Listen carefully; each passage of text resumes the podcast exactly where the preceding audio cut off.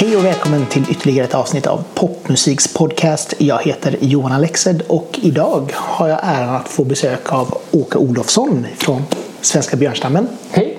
Och även soloartist. Japp, Välkommen hit! tack så hemskt mycket. Hur är läget idag? Eh, väldigt bra ska jag säga. Jag har sovit gott och sådär. Jag, jag har ett litet barn så det är jag glad för. Fick sova länge.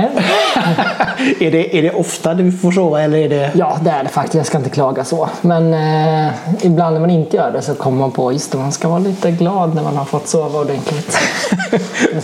Kom, kom, komma ihåg liksom de här bra stunderna i livet. Så är det ju. Man måste ju tänka på dem. Ja, vi kan börja lite grann. Du, när man tänker på den svenska björnstammen i första hand så tänker man ju alltid på Norrköping. Men, Mm, ja, kul. men du bor i Mölndal. Yes, jag har flyttat hit. Jag är från Norrköping. Ja. Mm. Hur, hur hamnade du här? Min flickvän eh, flyttade jag hit med, ihop med helt enkelt. Vi, det var väl lite dragkamp ett tag. Men hon är keramiker och eh, jag, var också, jag tyckte det var kul att flytta. Så eh, det är nog sanningen. Men också att sådär, hon hade ett bra sammanhang här och så har två andra från, då var det en från Björnstammen då, som redan bodde där, Ambjörn.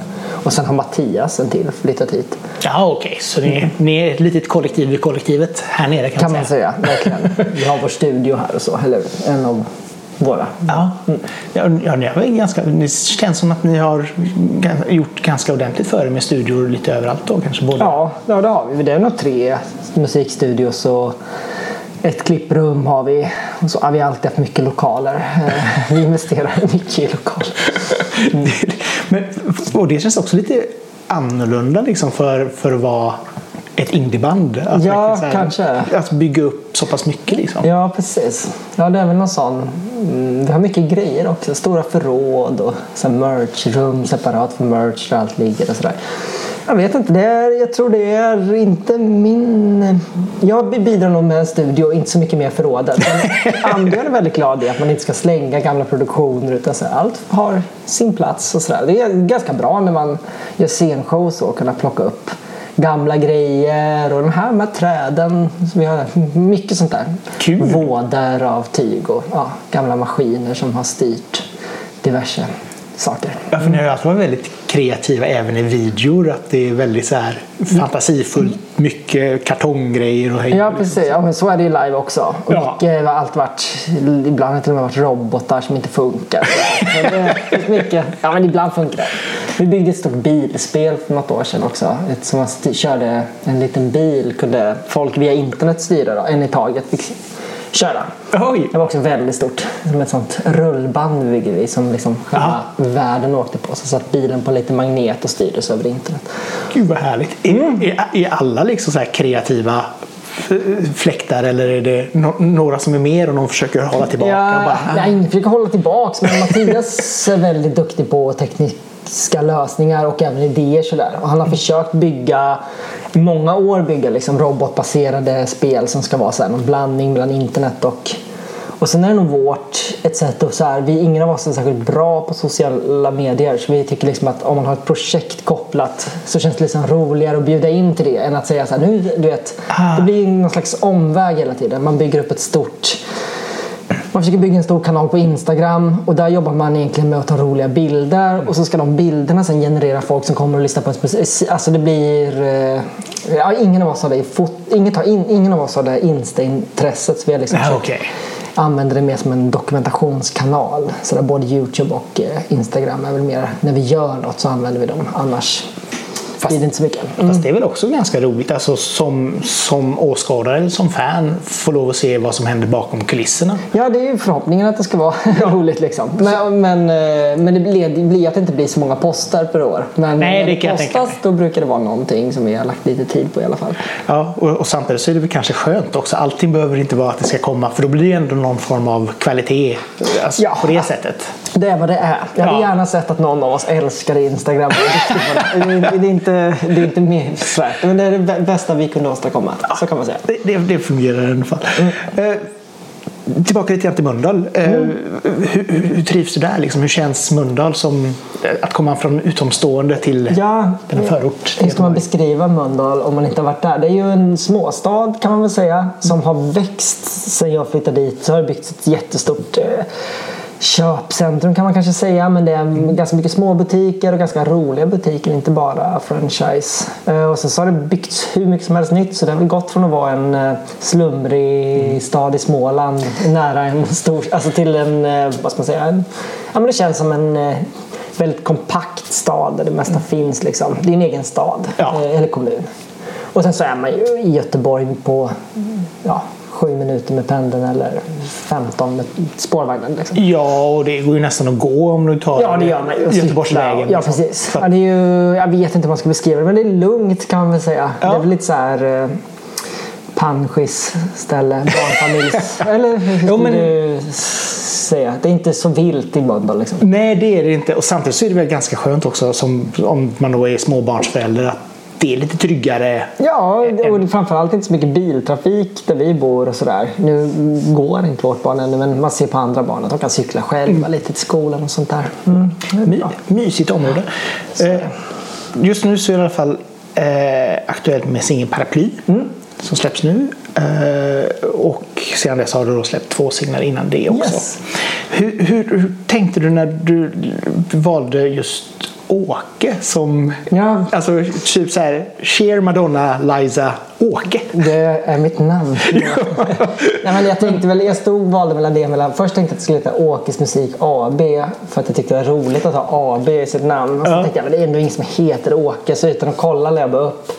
Och så var det någon så här, såklart massa andra band som hette det. Bland annat när vi släppte första låten då hamnade liksom den i någon annan Åkes Spotify-katalog. Just det. Vars största låt hette Rape Me tror jag. Så det var så här. Okej. Så så här, Men det var ganska rolig musik. En slags konstig jazzig eh, metal på något sätt. Ja, jag vet inte riktigt vad jag tänkte. Jag, tänk, tänk, jag tycker Ja. det är svårt att döpa. Ja, men man döper det till någonting och sen så vänjer man sig så blir det bra sen. Så, eh, så tänkte jag. Det får inte läggas för mycket krut på sånt. Nej, jag tänkte mer när jag skulle söka upp dina gamla låtar att oj, nu blir det svårt att hitta. Mm, det. Men, men det gick ju väldigt smidigt ändå Ja. att få upp.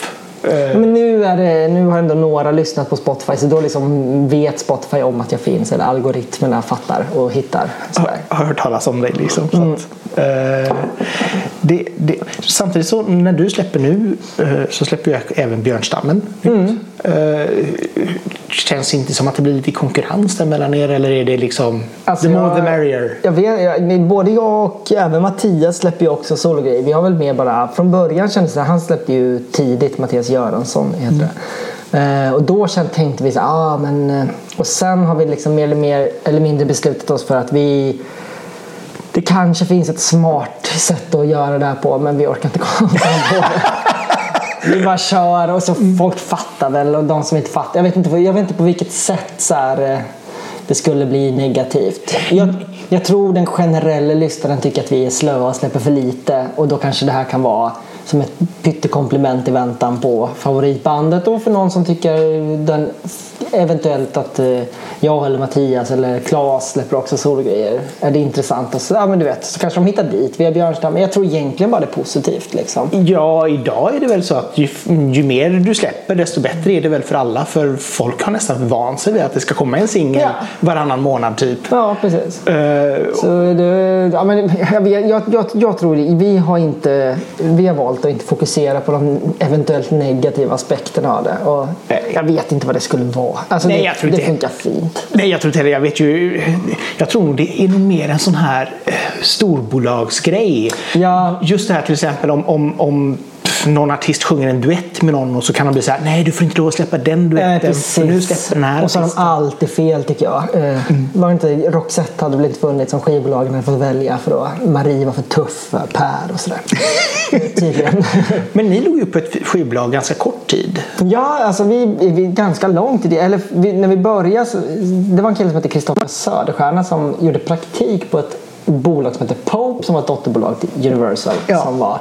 Och där, ha- han lyckades liksom, eh, jag tror lite att de var så, ja men för att han skulle ha något att jobba med så fick han signa oss sådär. Mm. Och, eh, Eh, Eh, han tyckte nog vi var bra och tyckte vi såg en framtid och sådär. Och sen så gick det ju bättre och bättre och bättre och sen så släppte vi eh, ett album som hette Ett fel närmare rätt med Vart är min värld vände som första singel tror jag.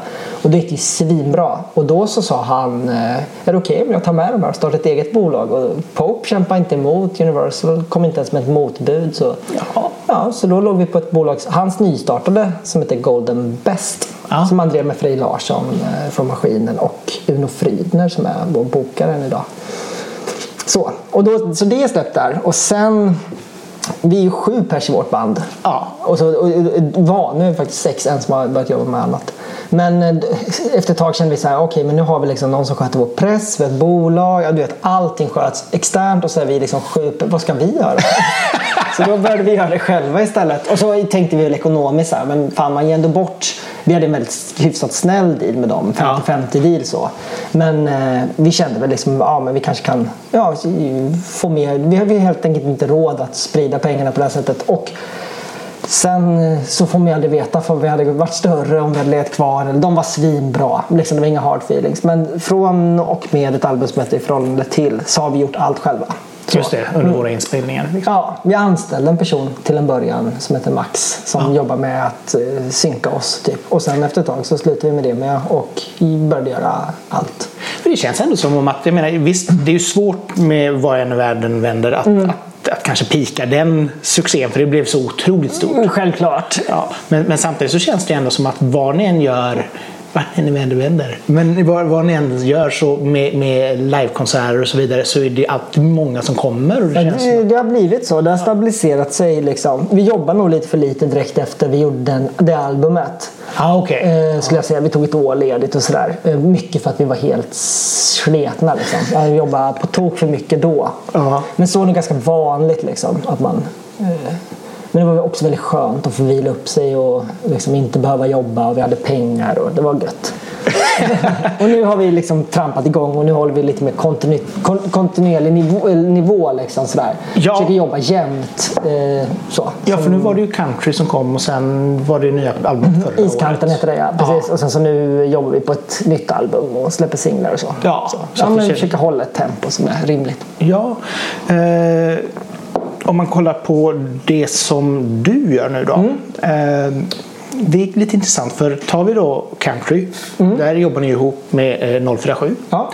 Och på din första singel så jobbar du ihop med Precis. eh, Sebastian och Peter. Och. Peter från 047. Ja. Vi delar studio. Eh, Så de är där och jobbar och då eh, faller mycket jag jag gör eh, skriver jag med dem. Vi jobbar också med Maja Hirasawa har vi gjort ihop och vi har eh, Ja, men sådär, vi har lite, vi har gjort mer saker också tillsammans. Men mycket, och också andra Björnstammen-grejer. Eh, även på nio tror jag. De har varit med lite på ett hörn. Sådär. Men eh, jo, så det så har det blivit. Och även det var mer grejer från mitt kommer vara tillsammans med dem. Så. Kul. Eh, som eh, musiker. Ja, skitkul. Jättebra att skriva med. Och så. Ja, för de har ju också det här att jag älskar att de är så väldigt synt, syntiga. Ja, precis. Och det känns ändå som Ja. att det passar in i, i alltså hela björnstammen och även det du gör. Ja. Även om det, inte, det ni har kanske inte känns synt-syntigt men ändå Nej. dansant elektroniskt. Ja precis, ja, men det är, ja exakt. Ja, men det, det, det är ju det. De är ju väldigt syntiga på ett väldigt roligt sätt. Ja. Och sådär ganska 80-tals syntiga kan de vara också. Mycket, Ja. mycket gamla sådana syntar i min studio. Eh, ja men det är väldigt kul. Och det, jag är väldigt organisk i min liksom... Eh, i, jag, jag producerar ju även när jag jobbar med dem då. Så jag, det är skönt att ha något liksom att försöka putta bort från mig. Lite så. Ja, man får så väldigt mycket synt-ads och sånt. Och så kan jag liksom jobba med effekter och grejer för att få det att bli så här, i en balans på något sätt. Och jag gillar också väldigt mycket synt. Så, Jo, men, men det är väl den här dynamiken liksom, när det både är organiskt och syntigt eller Ja, det elektroniskt. är den jag älskar. Liksom, Ja. så. Eh, så är det. Eh, det är lite sam. Ja, men precis. Jag gillar att det hörs att det är digitalt men jag gillar också att det är, finns något analoga rum och sådär i det. Det känns eh, träigt vill jag gärna att det ska kännas. lite stuga så tycker jag. Ja, men det, ja, ja, jag förstår vad du menar där. Liksom. Hur, hur ofta hinner du jobba med musik nu när du... Nu jobbar jag ingenting, sen är jag pappaledig helt. Så Okej, nu, ja. ja, jag jobbar liksom en dag, två dagar har jag lagt på att jobba på med något, ett projekt med Hagateatern här i Göteborg. Ja. Eh, och det är liksom mitt prio just nu. Eh, Vad gör du med dem? Eh, Vi har musiken till en föreställning som heter Förfesten som kommer någon gång i slutet på november tror jag det är. Genre. Vår deadline ligger där i alla fall, så kanske december då. Ja. Så vi, nu har vi tonsatt det med Björnstammen och då har vi tonsatt eh, gamla protestvisor. Det handlar om kvinnlig rösträtt och eh, historiska... Eh, ja, jag, vet inte, jag ska inte säga för mycket, Nej. jag har inte läst manus. Men, men, eh, men vi tonsätter kvinnliga rösträttslåtar, eller en har vi gjort nu. Det är jättekul. Jättespännande text och så. Hur, hur, hur går ni tillväga där? Det låter ju jättespännande. Först gjorde vi bara en poplåt eh, med eh, den texten. Den är skriven för, liksom, eh, för, för Den är skriven på ett sätt så att den går att tonsätta så. Eh, Den är väldigt med rim och med liksom så. Och eh, så hörde de av sig och sa argare. Då gjorde vi det, gjorde vi det jätteargt istället. Och det blev skitbra. Så det var väldigt bra feedback. Kul! Ja, ska, är det många låtar då, som, eller är det tal som ni ska... Det vet inte jag riktigt än. Ju- det, jag tror att det här liksom är det första och sen så min dröm är väl att det kan bli någon typ av tema och så kan man jobba kring det och göra versioner på det liksom.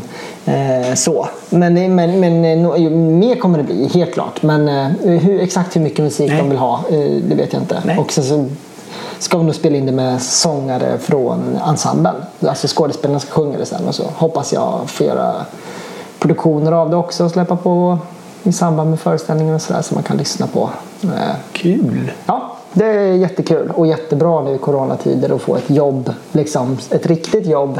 Inte bara en massa bidrag utan ett riktigt jobb som eh, också går att göra. Liksom. Ja men faktiskt, för det är väl nu som man kan bygga upp sådana här grejer. Liksom, Ja. Ta tiden. Ja, och det här är något vi har tänkt på. Att vi vill gärna jobba med film eller med teater eh, med Björnstammen. Så. Men ni, har- ni har inte gjort det tidigare va? Eller har ni? Nej, det är egentligen inte. Vi har gjort någon reklamlåt någon gång. Sådär. För Kommunal var det.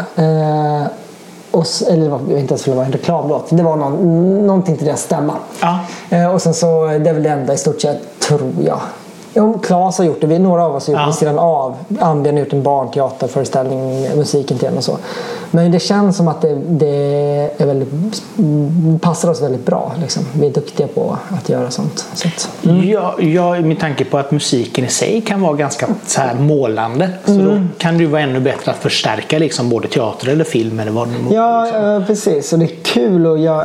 Ja, det är bara det är inspirerande att jobba med liksom ett annat när, man, när musiken inte måste vara i fokus utan att den ska liksom Ja, men det, det känns som att man får jobba med hantverksdelarna av musik väldigt mycket och väldigt lite med artisteridelarna eller hur man ska uttrycka sig. Ja. Så. För det känns ju nästan som en sån nästan logisk eh, utveckling av Björnstammen egentligen att ni ska typ göra en musikal eller teater med er musik. För det känns också som att det borde passa väldigt bra. Ja, det hade ju varit skitkul. Och, men också som sagt gärna så göra musik till, någon, liksom, till en film som inte handlar om oss överhuvudtaget. Mm. Nej, alltså, nej, det är ja. också, så är det ju med det här fallet. Ja. Vi är ju, vi, det ska inte ens märkas att vi har varit där, mer eller mindre. Utan det ska bara, eh, pjäsen ska bara upplevas som bättre eh, än vad den hade varit utan vår musik. Är målsättningen liksom. Det är check. Eh, det här kvin- kvinnlig röstnytt där, kommunal det andra. Det känns ändå som att politiskt har ni ändå ett en- engagemang. Ja, ja, alltså engagemang är fan att ta i. Men, eh, ja, men vi, det är jättebra projekt och vi är så tacksamma att få de jobben. Och vi eh, tycker ju såklart att det är vettiga grejer. Men vi har också gjort det för en tv-box. Har, har vi tackat ja. Alltså jag menar, vi, det vore, jag ska inte sätta på mig för hög hatt. Nej, jag, nej, är jättestolt över att vi har fått så fina förfrågningar. Men eh, det finns andra som eh, jobbar med de här frågorna på riktigt. Som står på barrikaden. Liksom. Som förtjänar eh, uppmärksamheten. Vi, Ja. vi, vi är liksom anställda som musiker, inte för att vi är så duktiga så. Nej, Jag känner mig med att kanske var liksom att man, man ändå man tar, tar sig an saker som man ändå kanske har nära hjärtat. Så är det också. Så är det också. Såklart. Ja. Eh, det, och det blir extra energi. Det, blir, det ger extra energi att jobba med saker man tycker betyder något. Naturligtvis. Absolut. Och, och som du säger, liksom, det, eller, det borde ju också vara någonting som kanske gör att det är lättare att inspireras och framförallt ta fram det bästa ur en, ur en själv. Liksom, Helt klart. Ja, men man, det man kan liksom jobba med I det här fallet då, jag gissar att de, publiken på den föreställningen och sån, inte är helt avlägsna oss. Liksom. Så då kan man jobba väldigt mycket med det här tycker jag är bra, därför är det, ska det vara med. Säg att jag jobbar åt eh, någonting som jag inte står så nära då, då kan man inte använda sig av det inre kompasset på samma sätt. Då måste man tänka så här okay, det här tycker målgruppen är bra. Och då, då, den omvägen gör att, man blir, eh, att arbetsprocessen blir svårare helt enkelt. Ja. Så att det är ganska mycket lättare när man kan jobba med sitt inre kompass, det sin egen smak. Så. Absolut. Vad, vad är det som får dig, och, framför, och även då Björnstammen också, men, men dig i första hand att, att välja artister att jobba med? Eh, egentligen bara socialt. Eh, det beror på. Alltså, men jag, jag, jag, jag gör ingen bra grejer med folk jag inte tycker om. jag har försökt. Eh, det vet man inte innan. så. Men jag, jag gör sessions och sånt. Alltså att man, jag har ett, ett förlag. Privat, alltså Åke Olofsson har ett, ett förlag mm. som sätter ihop mig med folk och så jobbar jag. Liksom, träffas man en, en dag eller två och jobbar och skriver låtar och så. Ja. Och det tycker jag är skitkul. Alltså, så jag gillar verkligen det. Den grejen. Men, men det viktigaste tycker jag är att man liksom har en trevlig stund ihop. Det tycker jag genererar eh, mer resultat. Mm. Sen om någon är otroligt duktig, vilket jag har stött på flera gånger, då är det också jävligt kul.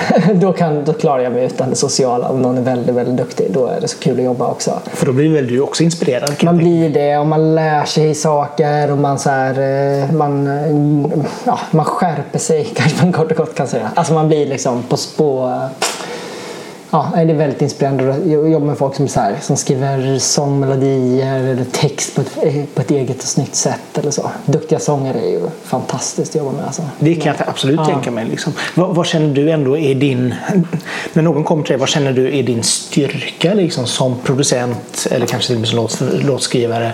Vad, vad känner du att Alltså, jag, jag, jag, gissar att min styrka, jag tror att min styrka är att jag verkligen har varit på båda sidor. Det kommer från det. Jag försöker nog bara göra det trevligt, bekvämt och jag, det som jag... Alltså att det ska vara en kreativ stämning på det sättet att man eh, eh, vågar, gör, eh, vågar testa nytt, vågar utmana sig själv. Sådana där delar. Det tycker jag är väldigt kul. Och att man ska känna sig trygg med sådär att... Eh, ja, men det är inte, till exempel sång kan ju vara nu är folk ofta så jäkla trygga. Men eh, det är inte alltid det är det. Utan en del kanske, och även om man verkar trygg kan man verka... Jag tror jag är ganska bra på att få folk att känna sig lugna. Att här kan man göra bort sig. Här kan man göra en dålig vers hundra gånger och så. Den hundra första sitter det och är bra. Alltså så. Mm. Jag försöker ha tålamod, eller jag har tålamod. Jag tycker inte det. Jag är så jävla dålig på att göra saker själv. Så jag vet, jag vet hur det är när producenten plockar upp mobilen och liksom Ja, ja, ja vi försökte. Det. Så. Ja, men det, jag försöker verkligen att inte vara det. Jag vill verkligen vara den som eh, Ja, men så här. Och ibland så märker man att det här är för svårt och då för den här, den här personens idé kan den inte genomföra och då får man gå in hantverksmässigt och försöka så här, bygga delmål? Kan man dela upp verserna? Kan man byta tonart? Kan man ta i ett annat läge i sång? Alltså där. Mm. Så jag försöker hjälpa till och coacha på det sättet också. Så. Det är ju bra i och för sig. Mm. och framförallt då, som sagt att göra artisten till en bättre artist. Ja. Det är ju viktigt. Liksom. Det är viktigt. Och man sjunger, ja det är liksom, eh, ja precis. Mm. För du har ju även, du har liksom, jag har två exempel som jag tänkte jag skulle ta upp. Det ena är ju självklart då eh, Thomas Stenström. Mm. Eh, som ni gjorde då Förlorar utan chans med, till Björnstammen. Men att du även skrev Mitsubishi ja, precis. Eh, tillsammans med honom. Eh, där är du ändå så här erfaren musiker ja, på det sättet. Ja, precis. Men det känns ändå som att det klickar väldigt bra i och med att ni ändå har jobbat. Väldigt bra. Väldigt kul att jobba med Thomas. Och det känns som att vi Kanske till och med att det är lite för lätt. att man liksom blir så här, det låter bra för snabbt ibland. Ja. Så man blir så jävla snabbt nöjd. Fan bra. Sen så liksom Eh, men det är bara positivt egentligen. Men det, men, men eh, det ser jag fram emot och hoppas jag det kommer vi skriva mer ihop eh, framöver. Det tror jag. Men ja, han är ju sjukt duktig och har verkligen tagit sig steg tycker jag som artist de senaste åren här. Ja, ja, alltså nya plattan överhuvudtaget. Dreamer mm. har ju varit kanske det bästa han har gjort. Ja, tycker jag med. Tycker jag med. Helt. Och just det här också att han vågar utveckla sig. Att han inte bara är liksom kille med gitarrer och singer-songwriter. Utan... Nej, men det, han har jobbat så jävla hårt och så jävla medvetet, målmedvetet över lång, lång tid. Alltså när vi skrev Mitch Bitch kanske fyra år sedan. Känslan är, eller det är det kanske inte, jag minns inte längre det. Men något sånt, tre, ja. två, fyra, någonting. Men då vet jag att då reagerade jag på hur kär hur mycket han hade bestämt sig att bli ännu bättre. Liksom. Och det var jävligt kul och inspirerande och det dras man ju med i sådär. Det försöker jag också liksom, eh, ja, men, liksom försöka inte bara för att bli större utan också för att det ska vara kul så mm. måste man hela tiden ta steg och, liksom, och det, är väldigt, det är väldigt belönande oavsett vad man håller på med och känna så här, det här klarade inte jag för Nej. För bara ett år sedan, ett halvår sedan. Ibland kan det vara, det här visste inte jag man gjorde för en vecka alltså så. Det blir bättre i sitt värv. Liksom, eh, ja, kul. Och, och det är väl det som måste vara alltså grunden i allting. Den här nyfikenheten. Mm. Våga liksom utmana och utveckla dig själv. Verkligen. Och en väldigt bra, fokus, en väldigt bra grej att fokusera på när det går emot. Mm. Alltså att man inte får lyssna så mycket, om låtar inte får den uppmärksamhet man tycker de förtjänar eller vad som helst. Så kan det vara kul, bra att ha någonting positivt att hitta. Så jag har lärt, lärt mig jävligt mycket på varje låt. Liksom. Mm. Eh, så. Ja. så försöker jag väldigt mycket tänka med mitt soloprojekt. Att jag, jag, så mycket att jag på allvar kan säga att jag inte riktigt bryr mig om hur jag försöker inte bry mig så mycket om hur det går för jag vet inte ens vad det är jag försöker göra för någonting. Så jag försöker liksom bara fokusera på så att göra det släpp, hela vägen ut. Så här, från att skapa låtarna till att släppa dem. Jag jobbar med massa olika folk, mm. tänker kring det. Och sen tänker jag så här, om två år typ, då kommer jag se vad det här, eller ett, ett, år eller jag vet inte hur lång tid. Men du vet om en, om en stund så kommer jag se vad det är jag håller på med. Och då kommer jag veta vad nästa steg är. Men det är en ganska stor risk som musiker i att man bara, och värst när man jobbar med stora bolag som vill planlägga allting. För då får man aldrig ett utifrån perspektiv på sitt eget värv och då vet man liksom inte vad, eller jag fattar inte vad jag ska göra då. Nej. Sådär. Eh, utan jag måste verkligen få göra det hela vägen. Allra helst spela det live för att ens förstå vad, det är, liksom, vad nästa naturliga steg blir. Liksom, så. Och samtidigt också så här, börjar man, har, har du liksom så här björnstammen i ryggen mm. och så kopplar alla dig med det. Mm. Och samtidigt ska du försöka hitta liksom din egen röst mm. som dig själv. Mm. Och då kan det vara svårt kanske att liksom, som sagt staka ut den här vägen och liksom konkretisera den direkt. Ja, precis, jag har, jobbat, jag har jobbat extremt mycket med Björnstammens grejer. Alltså varje låt vi släpper nästan har jag gjort mycket på. Liksom. Ja. Vi gör dem väldigt mycket ihop nu för tiden men på country gjorde jag mycket själv också. Och många, alltså, men nu för tiden gör vi nästan allt ihop än i tillsammans. Mm. Och det är då i det som jag tyckte att det var kul att göra ett soloprojekt. För nu jobbar jag nästan aldrig själv i studion med egna grejer och det tyckte jag var något så här, som jag saknat lite. Ah. Och det, det, det, ska inte vara så i Björnstam, men tycker inte jag heller. Jag tycker det, vi är bäst när vi jobbar ihop. Mm. Eh, så. Eh. Men, men vad är det som gör att du känner att den här låten är en åkerlåt? Det är att jag gör den själv. ja, jag, tänker, men jag tänker, kan tänka mig att ni, ni kanske börjar med någonting, alltså någon börjar ja, med någonting på, sin, också. Eh, på sin kammare och så bara åh, jag har en låtidé. Ja, vi släppte en låt som heter Upp till exempel. Ja, som jag med Björnstammen då. Det var för förra singel. Den var en åklåt från början som jag gjorde. Ah. Och skrev verser och så på. Mm. Och så bara kände jag, jag kan inte ta, den här låten skulle bli så sjukt bra med om de kom in liksom. Ja. Och då så gjorde vi så. Så blev den svinbra tyckte jag själv i alla fall. Då, eh, vi blev väldigt nöjda. Just för att den blev bäst så. Mm. Medan till exempel eh, hade vi gemensamt jobbat på en åkerlåt, den första jag släppte till exempel, eh, som heter Pengar på musik. Då hade den, jag, jag tror att den hade förlorat någonting mm. av att kompromissas. För den är väldigt mycket, den har en estetik och en struktur och en, eh, vad, vad heter det? En balans eller hur man ska uttrycka sig. Som jag, verkligen, jag tilltalas av hur den är uppbyggd. Liksom, eh, hur, den, hur, den, hur jag visualiserar den. och jag ville inte att den skulle, jag ville inte att någon annan skulle vara med. Liksom, Nej. förstår menar. Och samtidigt så blir den väl, den, texten är ju kanske, känns lite mer personlig. Ja, exakt. Eh, så. Och det, ja, exakt. Den, den, och det, för mig är det sådär, och det är genom att göra det jag förstår också mm. vilket som är vilket på något sätt. Jo, och det är nog viktigt också att kunna se det. Att okej, okay, det här, ja, men det här är inte jag. Nej, det, det här är jag på det här sättet. På ja. sättet och det här är jag. Och det där kommer nog, jag tror att det kommer liksom glida ifrån varandra. Men nu är det ganska nära. Det, jag tror till exempel eh, några, några låtar jag släpper kommer säkert kunna, skulle säkert kunna varit en Björnstammen-låt och vice versa. Men jag tror liksom att det kommer över tid att glida isär. Liksom. Ja. Eller inte, vad vet jag. Jo, nej, men paraply känns ju liksom den är något annat liksom. Ja. Och det är också ett sätt att få jobba. Det är också mitt soloprojekt är ju ett sätt att få samarbeta med människor som inte är... För eftersom vi är liksom sex pers och vi kan allt i vår grupp. Mm. Och vi, vi jobbar som ett kollektiv och vi försöker göra allt själva liksom hela vägen i den mån vi orkar.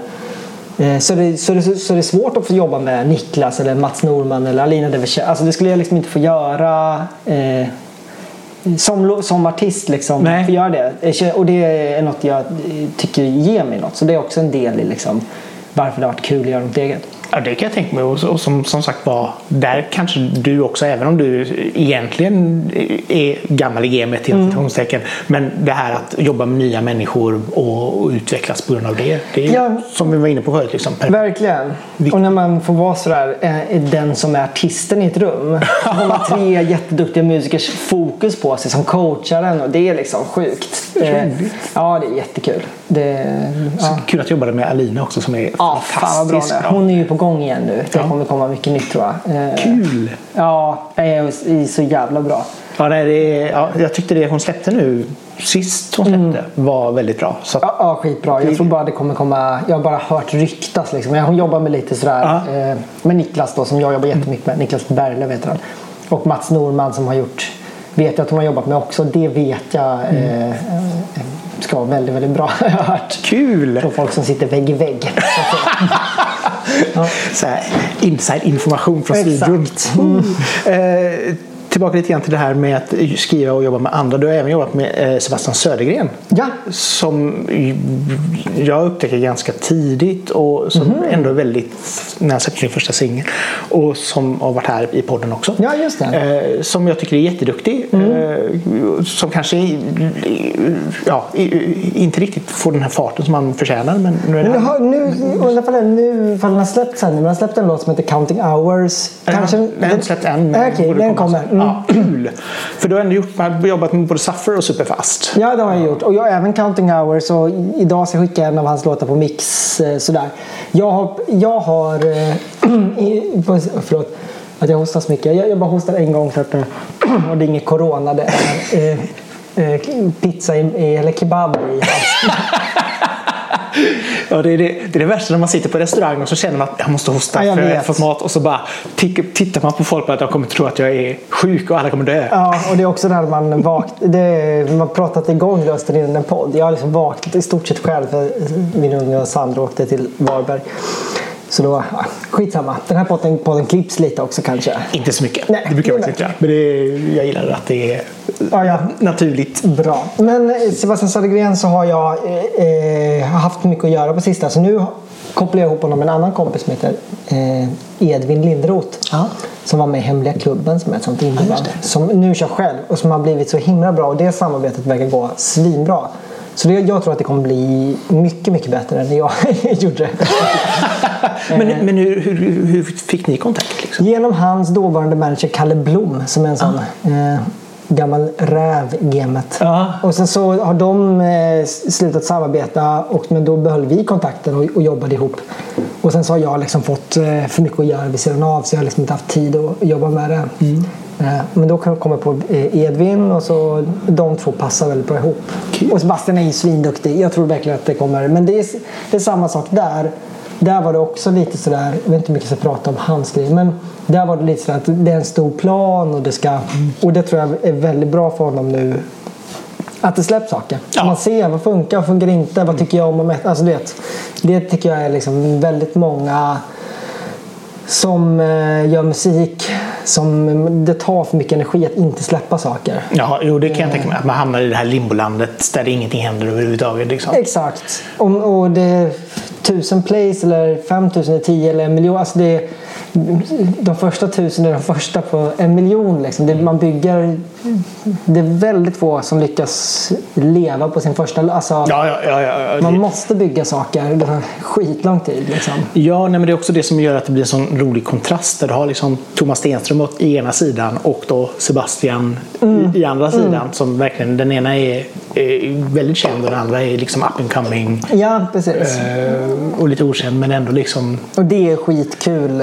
Så, så vill man ju ha det. Och eh, det är också väldigt kul att jobba med storbolagsartister. Och så- så- sådär, det har jag gjort nu på sista saker som är- det där så här, är det- måste det komma, man är van vid den här lilla stressen och så, så ah men det här eh, ska inte släppas förrän och så bara säger de något år. För att de har så jävla bra plan och när det är bra på riktigt. För Ja. då jobbar jag med nu eh, från Göteborg. Eh, Som eh, man bara känner, det här, de har sån jävla koll. Kul. De här eh, ja, managementet sådär. Ja, det, är- det är ju fett. Då, då, då fattar man också. Men det är många som jobbar i skivbolag. Precis som artister eller vad som helst så är det ju folk som inte är riktigt så duktiga som man tror att man är. Och Men så, har, ja, så väljer man kanske fel delar av det man tror, man tror är viktigt. Liksom. Man, tror plan, man har fattat att planen är viktigt. Men har man en dålig plan kan det vara det är bra med en enkel plan som genomförs Ja. än en jättekomplicerad som inte går att följa. Det är liksom en lärdom jag har tagit.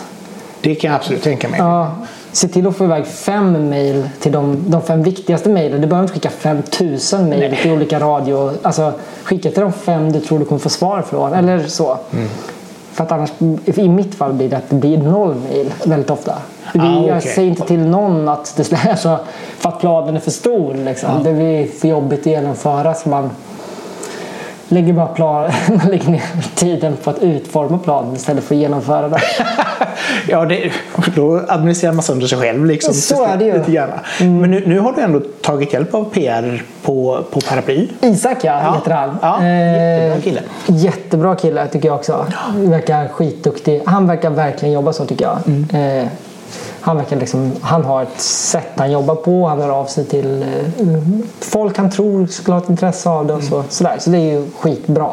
Jo, men det är viktigt också. För du, för du hade inte det på de två första singlarna? Eller? Jag gjorde ingenting. Nej. Jag bara släppte den. Ja, det kändes som det. Ja. För det, det, har- ja, det, har, Det var svinbra att jag gjorde så. Annars hade låtarna inte varit släppta än idag. Och det var, Ni- det är Niklas förtjänst. Jag hade verkligen kunnat skit i att släppa. Du vet, jag hade kunnat ligga där och bara marinera i flera år. Så. Och så till slut bara, nej, ut med det. Bara, Ja, precis. Ja, men exakt. Eh, innan vi ska gå in, vi ska prata lite grann om låtarna tänkte jag. Men Mm. jag brukar ju alltid som sagt vara be artister som kommer hit lista lite, ins- lite inspiration. Ja, För att precis. få en liten härlig bild av eh, vart man själv är. Ja, exakt. Vad ska jag börja med? Något gammalt? Något... Det här är låtar eller album som har betytt något för mig, Ja. tolkade jag det lite som. Ja. Eh, men då, jag tänkte jag skulle börja min, med en låt som heter Gorilla Biscuit Start, Start Today heter låten. Gorilla Biscuits heter bandet som är ett punkband från USA. Aha. Som, eh, hoppas det var från USA men det tror jag. Eh, nej, start, jag gör väldigt New Direction förresten. Men allt de har gjort är svinbra. Och det var sådär när jag började lyssna på punk väldigt mycket genom mina syskon. Och sen så hittade jag det här genom mina kompisar. Det här, var liksom, det här är en stil som kallas hardcore. Inom, ja, inte då hardcore den elektroniska utan punkens Ja. hardcore kan man säga. Ett tidigt sånt band. Eh, och det var sjukt bra tyckte jag. Jag lyssnade bara på det under flera år. Eh, och gick på konserter och det var sånt jäkla drag på konserterna. Cool. Ja. Var, var du sån här skatepunkare eller var du? Nej, och jag var skatare och jag lyssnade på punk. Så jag var, men jag lyssnade, ja, jag lyssnade även på Millencolin och sådär. Men jag lyssnade inte sådär blink och inte... Ja, jag lyssnade mer, lite hårdare än, eh, den, än skatepunken skulle jag säga. Ja, skatepunken upplevdes som lite poppig. Jag hade problem med att man sjöng i musik väldigt länge. Jag tyckte det var obehagligt att slå på sjö. Jag tyckte skrik var det som var liksom såhär... Uh, ja, men, Gorilla Biscuits sjunger, skriksjunger, lite rockig sång kan man säga. Ja, nästan growling. Ja, jag hade väldigt stora problem när det kom folk och började sådär smörsånga liksom. Och nu smörsånger sjunger jag ju själv bara. Så det går ju över tid. Men sj- sjöng du, gjorde du punk? Ja, men jag blir så hes av- att ens sjunga så det var otäckt. Jag, jag spelade eh, gitarr. Okej. Mm. Drop D, så det är väldigt enkelt. Man kan spela sådär med pekfingersvalsen på gitarren. Jättekul att spela. Alltså, det är så sjukt eh, bra stil att spela. Kul. Ja, Men- man behöver inte ens vara välrepad för att det ska låta bra. Det är fantastiskt. Det ska bara låta. Ja, i, exakt. Det lät ju skit såklart, men det lät, vi tyckte det lät bra. Liksom. Och det, var rätt, det är rätt så kul med punk att man kan bara vrida på. Och så blir det, det händer mycket när man nuddar instrumenten så att säga. Hur många band har du varit med i förresten? Ganska få. Tre, fyra kanske. Ja, det är så pass bara. Ja, som har släppt i alla fall. Ja. Alltså, nej, jag har inte varit med i mycket band. Jag var med i ett band som var med mina kompisar som spelar punk. Eh, och sen så var jag med i... Eh, gjorde, jag och Mattias gjorde ett litet band som är en, av, en sångare i Björnstammen. Och så det bandet blev sen Björnstammen kan man väl säga. Eh, när vi träffade en Dan Brännvall som var den som började producera och lärde oss att spela in och så. Eh, så det är väl tre. Och sen mitt egna nu. Ja, ja. Hoppas jag inte glömmer något. Nej, men sen har jag varit med och gjort mycket med andra band och så. Men aldrig, aldrig eh, gått med Nej, okej. på riktigt. Nej, men det är ju... Vissa har ju alltid så här, de har kört liksom från band till band till band till band tills de hittat liksom Ja. sig själv någonstans. Men då är det kort. Nej, men jag tyckte alla band, alltså all, det har funkat väldigt bra eh, med alla. Kul. Mm. Gå vidare efter Ja, då tar vi något roligt ska se. punkband- punkbandet. Ja, vi kanske ska ta Cardigans Losing My Favorite Game, en sån där låt som Åh. betyder väldigt mycket för mig. Hela det albumet som jag inte kommer ihåg vad det heter. Gran Turismo. Gran Turismo såklart. Det lät så jävla coolt tyckte jag. Eh, jag hade en akustisk gitarr, jag hittade en buske på vår gård, eller min syrra hittade den tror jag. Så, var det, så jag, då var det liksom, jag spelade fiol när jag var liten, Ja. men då började jag spela gitarr. Och då är då det första riff jag lärde mig. Introt. Eh, men det, jag tyckte den lät så sjukt... Ja, men det låter ju så jävla coolt. Ja, jag lyssnade ja. mycket på Courtney Love då också tror jag. Och så tyckte det, ja exakt. Ja. ja, fast framförallt Courtney Love med Mono och eh, undrar ifall det är lite senare. Jag vet inte riktigt. Men jag minns i alla fall att jag tyckte Nina Persson liksom kändes ung. I efterhand förstår jag att Courtney Love är ju coolare än Nina Persson. Men då kändes det som att vi hade en svensk som var lika cool som Courtney Love. Alltså så. Ja, ja. Eh, ja hon, hon känns inte lika... hon känns lite mer kall, lite mer sådär... Eh, ja, men var, jag hade inte heller MTV så jag hade inte sett hur cool Courtney Love var. Nej, okej. Så jag hade mer bara hört och de låter jävligt coola båda två tycker jag. Ja, men det, och Nina har ju en fantastisk röst. Ja, hon har ju en fantastisk röst. Och hela Gran Turismo som är, som jag förstått det, är en av de första digitala inspelningarna som finns. Gjord på jätte, alltså den är gjord på bara digitalt som jag förstått det. Jaha, så det är ett bit crush över hela albumet för att det är så låg eh, inspelnings någonting. Så få bitar i sig. Ja. Eh, Ah, okej. jag tror också, jag har hört ett rykte om att de liksom, när de var klara med det albumet inspelat så kunde musikprogrammet inte hantera så många filer. Så de har liksom fått bara alla filer i mappar så de fått liksom pussla ihop albumet en andra gång på något sätt. Oj! Eh, ja, det lär ha tagit ett år om, jag vet inte om det här är sant. Nej, men det är nog inte helt omöjligt. Jag vet ju alltså nu när man slänger in saker och ting i Logic och du kan ha liksom spår efter spår efter spår efter Ja. spår och du kan bara scrolla hur länge som helst. Tänk ett helt albums alla spår. Det är ett ganska maffigt album. Det är inte så minimalt. Även om det Nej, är, nej, nej, nej, nej. Liksom. Men det är liksom därför tror jag det låter, är så rivigt. Liksom, att det är Bit Crush. Ja, ja. Och så Åkerlunds video som är också Ja, jävligt så jävla cool. Med tatueringen som färgar av sig. Erase and Rewind som kanske till och med är bättre. Ja, Men den jag, ah, fast Losing My Favorite. När den trycks ihop sådär. i- Ja, och det är så cool refräng i den låten också. Ja. Ska vi gå vidare till Ja. nästa låt? Jag tycker det var kul att bara dunka på. En låt som har... Som, som jag, det var liksom en tid, man kan välja många låtar, men jag har valt Kanye West Heartless Mm. från albumet 808 and Heart Attacks. Eh, men det är mycket för röst. Då kom ju autotune Ja, även in i mitt liv. Men generellt bara rösteffekter. Att man fick göra. Det var även Knife lite samtida skulle jag säga. I mitt huvud i alla fall. Och jag lyssnade mycket på en kille som heter Burial. Jag vet inte ens vad det är en kille. Men han gjorde en låt som heter Archangel. Som en Just det. remix sådär. Som är lite mer åt techno eller househållet eller ambient. Men det var det här just hur man, man använde filter på rösterna, pitcha rösterna, autotune, ja, men hela den grejen att rösten inte behövde vara, rösten var ett instrument på de här. Eh, eh, var integrerad med de övriga instrumenten och satt ihop på ett sätt som jag tyckte var skitkul och eftersom jag också är väldigt då, eller då var väldigt dålig på att sjunga, nu fortfarande inte jättebra men vi var alla så halvbra. Så när autotunen kom och Kanye West liksom gjorde det nästan coolt att ha, alltså man var så jävla tacksam liksom.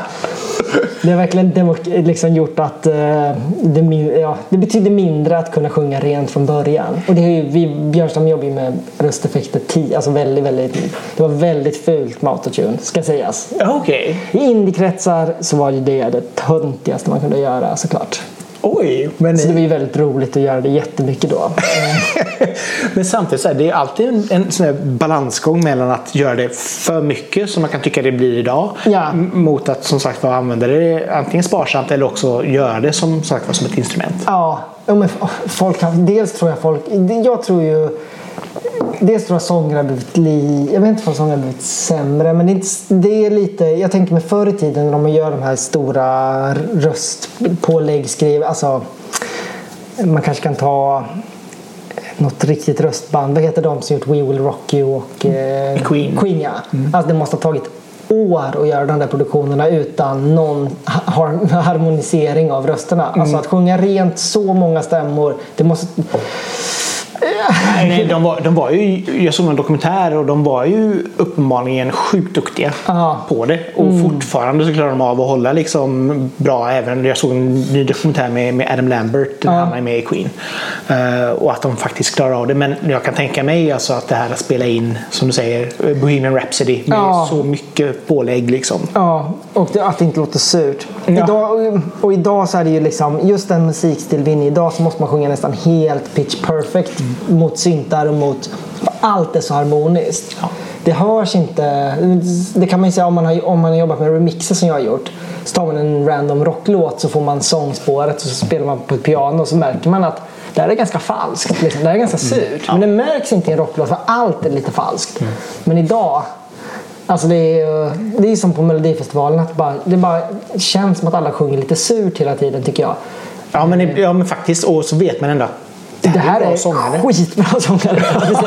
Men då, man måste förstå hur svårt det är att sjunga Pitch Perfect och hur lång tid det har tagit för de här gamla liksom, inspelningarna med, innan, den här, innan den här effekten kom. Och att den överanvänds idag jag tror, jag tror inte den kommer sluta användas. Jag tror att den kommer bli, bli så bra att den, effekterna kommer bli så bra med det de redan. Men att man överhuvudtaget inte kan höra dem. Alltså, eh, det, för att det är så, det är sån tids... Eh, Ja, samtidigt fanns det ju något i det där. Det är väldigt bra sångtagningar ofta på gamla grejer. Jo, Men de måste ha jobbat veckovis på vissa låtar alltså. Det Ja. måste ha varit sånt helvete att sitta och...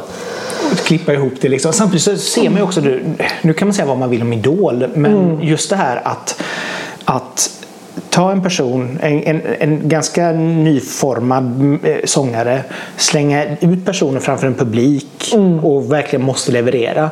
Det är nog en ganska bra skola för just det här att sjunga live. Ja. Och, och just det här att faktiskt kunna använda rösten. Ja, så är det nog. Så är det nog. Så där har du nog, det är nog stor, större skillnad om du bara är liksom studiomusiker och, och, eller studiosångare. Mm, jo, så är det nog. Så är det nog. Alltså, det är olika tekniker och, och men jag tror också de här, många av de gamla, alltså väldigt många artister har ju gjort coverbandsvängen. När man Ja. kollar typ, eller dansband, Lena PH, den generationen, Ja, ja. Beatles, alltså har väl stått och harvat i flera år eller vad det är. Ja, ja, ja. Alltså, så många av dem har ju fått den vägen. Mm, också. Men idag, jag vet ju själv hur dåliga man var live alltså. Det är ju hopplöst. Fast där får man istället ha någonting annat då som i ert fall då har ni ju väldigt mycket energi. Och kompromissade liksom- ju med, eller kompenserade med energi och med... Och, och så har då, de har ju fått köpt sig tid att lära sig att sjunga live hyfsat liksom. Ja. Eh, på en nivå som är godtagbar. och hittat liksom nivån på det. Ja, precis. Så, men, man må, ja, ja, men det är... Ef- Mm. ja. Efter ett Eight Heartache, vad har vi då?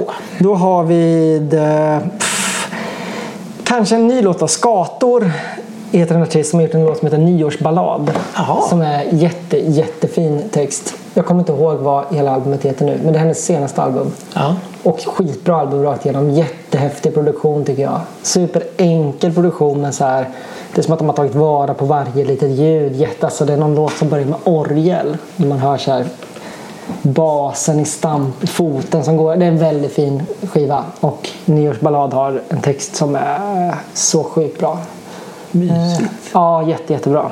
Jag vet inte vem det är. Jag har aldrig... Nej, jag... Det var Niklas som skickade till mig för någon månad sedan. Så nu har jag lyssnat svinmycket. Ah. Väldigt, väldigt bra. Finns på Spotify. Ja. Ehm, Och sist? och sist tar vi Nathan Fake, The Sky Was Pink heter låten. Okej. Eh, Nathan Fake har gjort en remix på en annan artist som heter James Holden. De är från England. Och eh, jag vet att den finns på Youtube om man vill lyssna. Det är bara... Det, det är ju förmodligen techno skulle man nog säga. Jag, jag är så dålig på elektronisk musik genremässigt. Men jag vet bara att när jag, första gången jag hörde den och första gången jag liksom var på klubbar där som musik spelade, att det var sådär ja, men det steglösa arrangemanget på något sätt. Den låten är ett mästerverk i, hur, i uppbyggnad. Det är bara det, är det snyggaste. Än idag när jag sätter på den så blir jag helt golvad över hur man kan bygga i 5-6 minuter. Du kan typ aldrig höra när någonting kommer. Alltså det är så otroligt snyggt uppbyggt och arrangerat liksom. Eh, och det har jag lärt mig. Jag har tagit jättemycket från Nathan Fake och eh, Paul Kalkbrenner också en sån där technoartist som jag tycker bygger, arrangerar på ett sätt som är oväntat. Liksom. Och Kanye West också. Alla de här är väldigt Ja, bra ja. arrangemang. Liksom. Och Cardigans är ju väldigt arrangemang. Jag är väldigt inne på arrangemang.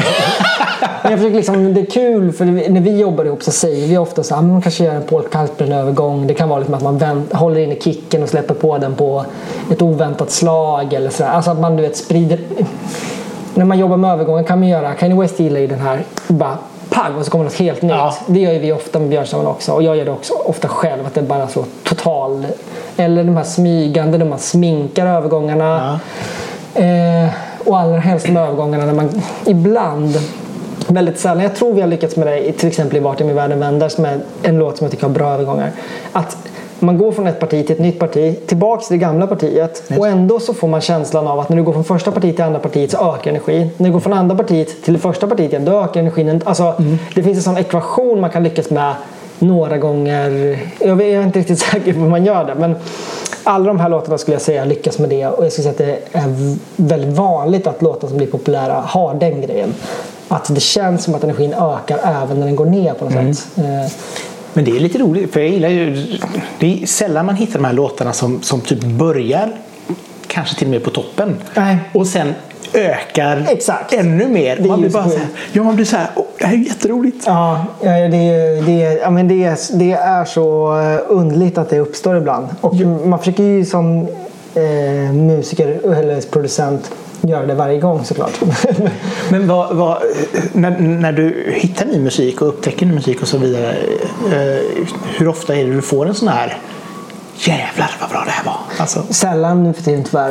Eh, men som sagt, ändå rätt så jo faktiskt nu när jag har gått till, nu när jag har varit pappaledig så jag lys- lyssnat mycket på töntig musik på svensk töntig musik. Mycket gammal svensk pop så här. Ja. För att eh, 80-tal. mitt barn verkar tycka om det. Ja, 80-tal, Dove Calais och så bara ser man vad som händer. Ja. Så min Spotify är så, så här, ja, förslag på andra dansband.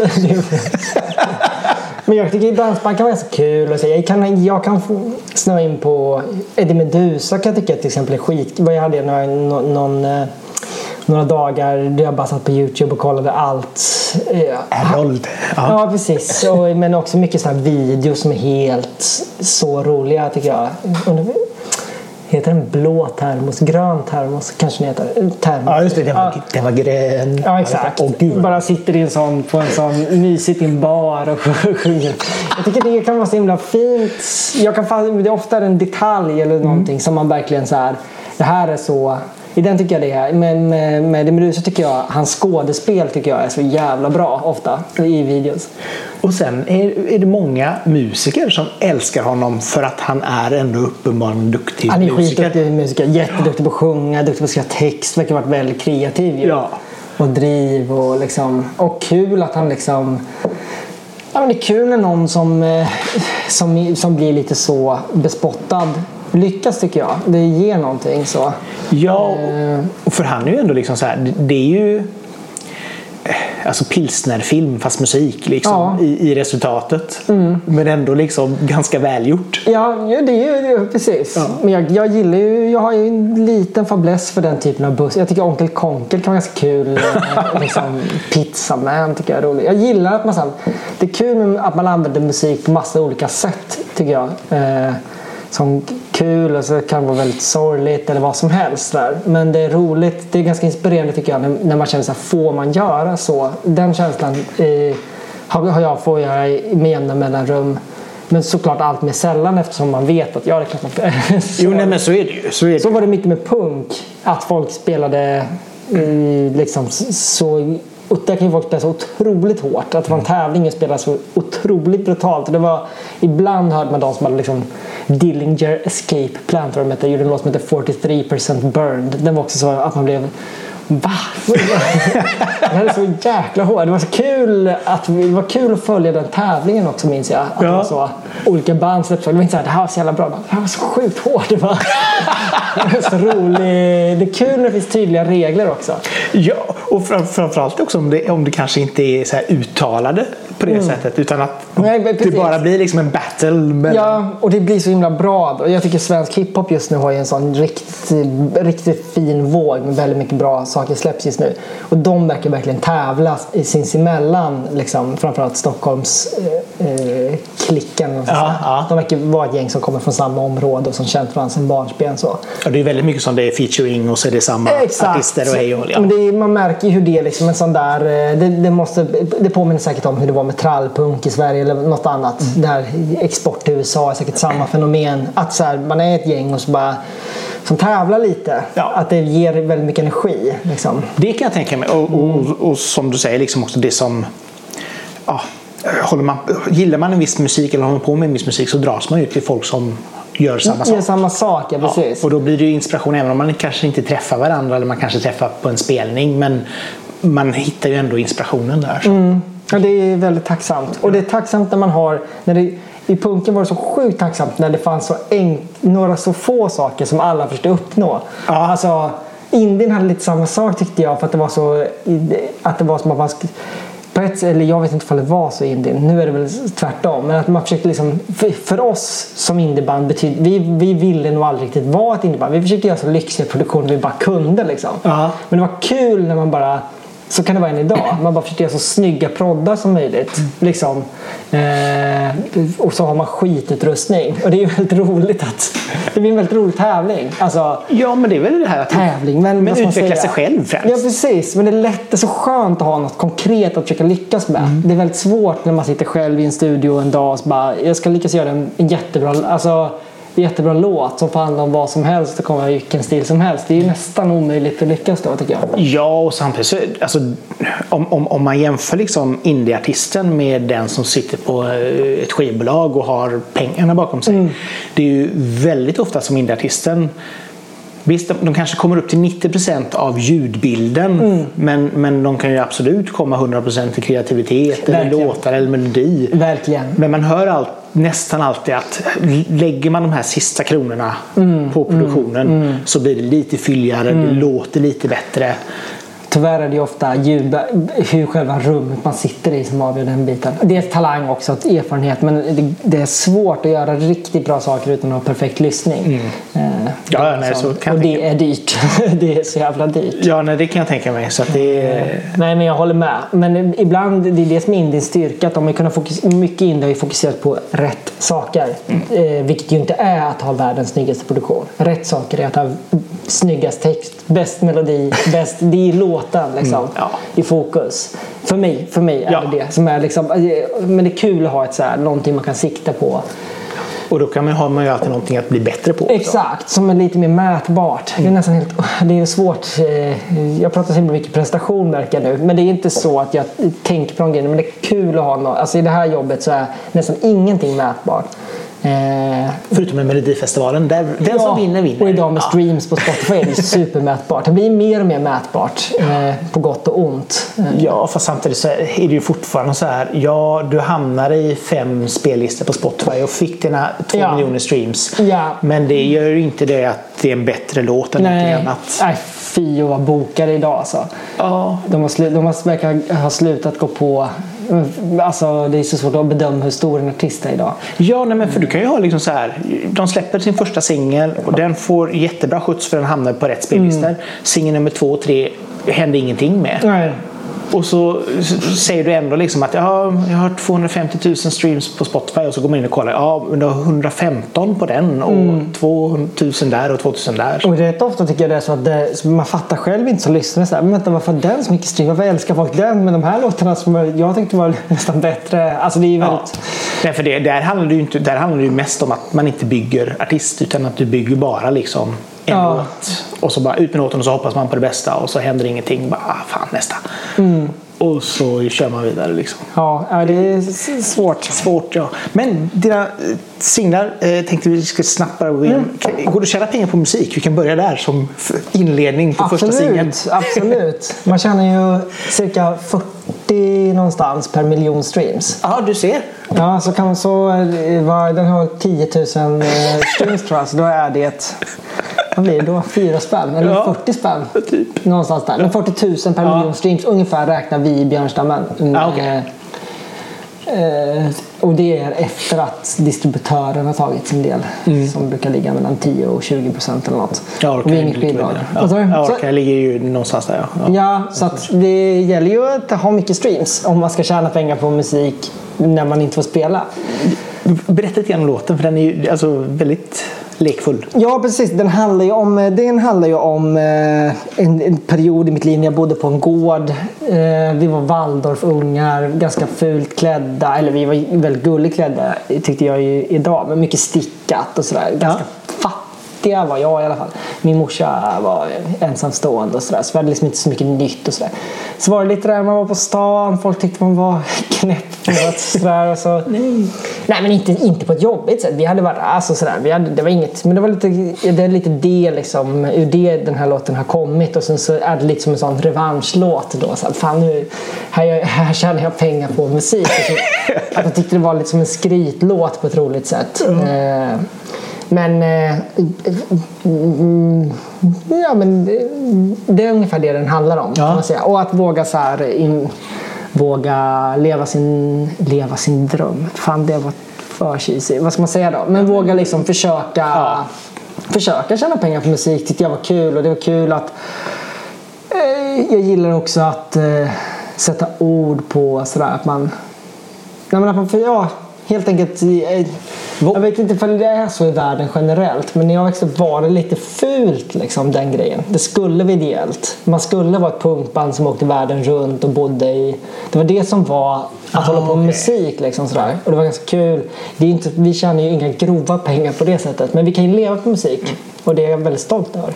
Och det är ju viktigt liksom. För jag menar det, det, blir svårt kanske att, att, dra igång en sån stor maskin som ni ändå har. Liksom. Det går inte med ett annat jobb är det väldigt, väldigt svårt. Ja. Eh, det är väldigt, väldigt att det, tidskrävande att göra saker med musik. Ja, och, och, men det, det, här också tycker jag också med, med den här singeln just vi, textvideon. Mm, så jävla roligt. Ja, tack. Med, med Wellpapp-tvn. Du har lite den. Kul. ja, ja, men det är precis ja. ja men det är väl att det, det är lite fattigt och kackigt sådär. Men med låga kostnader kan man ju leva på musik. Så. Jo, nej, men också, och så kändes, det kändes ju väldigt Björnstammen i sättet den var gjord. Ja. Uh, men just det här också att det var liksom så här bara Biltema-klämma. Ja, precis. Jag satt och tänkte, jag har inget videoprogram man kan klippa. Jag gör, klipper videorna i musikprogrammet och där har man inte möjlighet att mikra. Och jag satt Men det blir så charmigt. Ja, ja, det, här, det, det, var ju hela grejen. Alltså, ja, det var jättekul. Liksom. Ja, jag tyckte också det blev bra. Jag gillade det också. Jag hade satt länge och funderat på kan man minska den här bilden? Och så var det så här, då måste jag blanda in en person till i det här. Det kan, det kan vara skillnaden mellan att videon släpps eller att den aldrig släpps. eh, så jag har gjort en till video jag tyckte var jättekul för tre månader sedan. En, en live-video till den andra singeln. Och den var så, men håll lite på den sa något bolag vid något tillfälle. Den är inte släppt. Den kommer ju aldrig släppa. Äh. Alltså det är så lite som krävs i min, i min värld. Ja så måste saker bara ut direkt. Annars händer det. Annars blir de bara fast på någon hårddisk. Och jag har så otroligt mycket musik och saker och videos och, som liksom aldrig kommer ut. Oj. Ja, nej, då kanske, men det kan ju vara en sån bonusfeature inför eh, liksom, Instagram eller Facebook. Ja, eller jag kanske släpper den idag. Vi får se. ja, men, nej, eh, paraply då? Mm. Eh, berätta lite grann om den. Paraply är skriven med, det kanske jag sa förut, med Niklas Alina Devecherski, Niklas Berglöf och Mats Norman heter det. Ja. sista. Vi skrev den ihop och det var skitkul. Bara sådär en sån här härlig kväll. Bara satt och skrev typ hela texten. Den har en ganska speciell text tycker jag eh, själv. I alla, i, I alla fall i mitt kon kontext. Mm. Och det märks väldigt tydligt från min sida att den är skriven ihop. Liksom. Det var mycket sådär kanske Alina bara, jag tycker du ska säga baby. Det tror jag passar dig att säga baby. och jag försökte vara så öppen och bara, ja absolut. Men det är väldigt kul att jobba så tycker jag. Och det är kul att så här, någon annan eh, ger en kläder. Så här, ha på de här. Man bara, ah, jag skulle aldrig välja liksom, det ordet eller det, det plagget. Men jag gillar väldigt mycket det. Jag tycker om slutresultatet väldigt mycket. Eh, det är kul att liksom jag vet inte hur jag ska uttrycka mig. Men Nej. jag kanske uttryckte mig eh, tillräckligt väl tidigare. Men så det är väldigt mycket så. Det är väldigt mycket samarbete. Eh, mer, jag har bestämt väldigt lite liksom, själv. Utan Jag har mer bara varit en i, i gänget kändes det som. som liksom, Så helt plötsligt var du nästan som eh, alltså, en av de här st- Justin Bieber som bara får en låt till sig och så skriver han till två ord och så bara ja, Ja. jag har fått cred för att skriva texten. antagligen. Men ja, nej, för jag gillar ju... Eh, ja, men jag har skrivit jättemycket av texten Ja. men jag har liksom gjort mina 25 procent. ja, ja. Eh, så. Ja, nej, men jag, jag gillar också det här att som sagt var, det, som, som eh, det stod i pressreleasen att vara självuppoffrande. ja, men-. Här har du mitt paraply. Exakt så. Eh, Och det, och det eh, var ju någonting vi alla tror jag hade starka upplevelser av. Liksom. Och det, har det är väl någonting man, man gör. Liksom. Det där självgoda, sj- självuppoffrande men samtidigt som sen ofta väger över i det bittra. Och där njuta av att det är lite motigt som man kan göra. Och fastna i och sådär. Och så, men det handlar låten väldigt mycket om. Att det är så här det gråa, det, liksom de där grejerna. Men samtidigt är det en kärleks... Eh, för i det där finns ju något fint såklart. I det där eh, självuppoffrande som ju har stråk av liksom... Eh, vad kallas det? Ja, men att man är liksom... Eh, man är så god själv. Ah, skitsamma vad Ja. det kallas. Men eh, det har stråk av det. Men det finns ju också alltid ett stråk av att man vill ge något. Liksom. Och det handlar den här låten lite om. Den balansen liksom. Eh, mellan att ja, eh, ja, vara generös Ja, att ja. vara egoist. Ja. eh, som sagt var, den släpps nu. Andra oktober blir det va? Ja, på fredag. På fredag. Eh, Typ troligen samma dag som den här kommer ut. Eh, lite grann, hur, hur, vad känner du själv nu med, med Åker-projektet? Tror du att det blir liksom, kommer du jobba ihop till, en, ett album? Det kommer jag göra. Eh, Det, det finns eh, fyra låtar kvar typ klara förutom den här. Ah. Så det kommer komma singlar liksom back to back. Ja. Kanske var annan, var tredje månad eller något nu. Eh, och för, tills ett album är gjort. Ah, Så okej. hoppas jag kunna spela. Liksom, jag vill när det är över kunna testa att åka ut och spela några kvällar någonstans. Eh, om det finns publik eller inte återstår att se. Men jag tycker det ska bli det är liksom målet. Och målet är att, ge, att det här ska bli eh, någonting jag kan hela tiden ha sådär. Eh, ja, men, det, det, det kommer, tidigare har jag lagt så låtar som inte har passat i Björnstad men de har hamnat på en hårddisk och sen så har de glömts bort. Liksom. Eh, nu kommer de komma ut. Det är bra i och för sig. Och de kommer, ja, de kommer prioriteras och det kommer sådär. Och kanske till och med gå tillbaka till några gamla hårddisklåtar. Och... Ja, kanske. Det finns en, jag har till och med en video som är väldigt rolig. Som är 5-10 år gammal, en punklåt. Den kommer nog komma småningom på något Jaha. sätt. Ja, den är en rolig one-take video som handlar om att eh, man eh, att komma sent hem till mamma. Jag bodde själv med mamma ett tag och kunde bli lite arg då. Han ri- ringa och säga att hon är sen. Den har något. Är du tidsoptimist? Ja, som fan. Ja, Nej, som, det är ganska mycket tidsoptimist.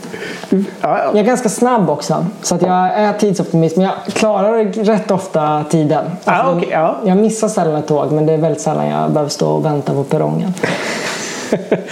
Ja, skönt. Men det ska bli väldigt spännande att se vad som, vad, hur, hur det här projektet utvecklar sig i alla fall. Det tycker, det tycker jag verkligen själv också. Ja, så det ska bli intressant. Eh, Men jag hoppas ni som har lyssnat också tyckte det här var intressant. Och så vill jag säga tack så mycket till Åke som har kommit hit. Ja, tack så hemskt mycket. Tack själv att du vill ha mig här. Ja, och som vanligt, ni som har lyssnat, dela gärna eh, inlägget eller podden så att fler kan uppleva detta avsnitt. Och följ den gärna så får ni nästa avsnitt direkt ner i er mobil. Men från Majorna så säger jag och tack så mycket. Hej! Tack och hej!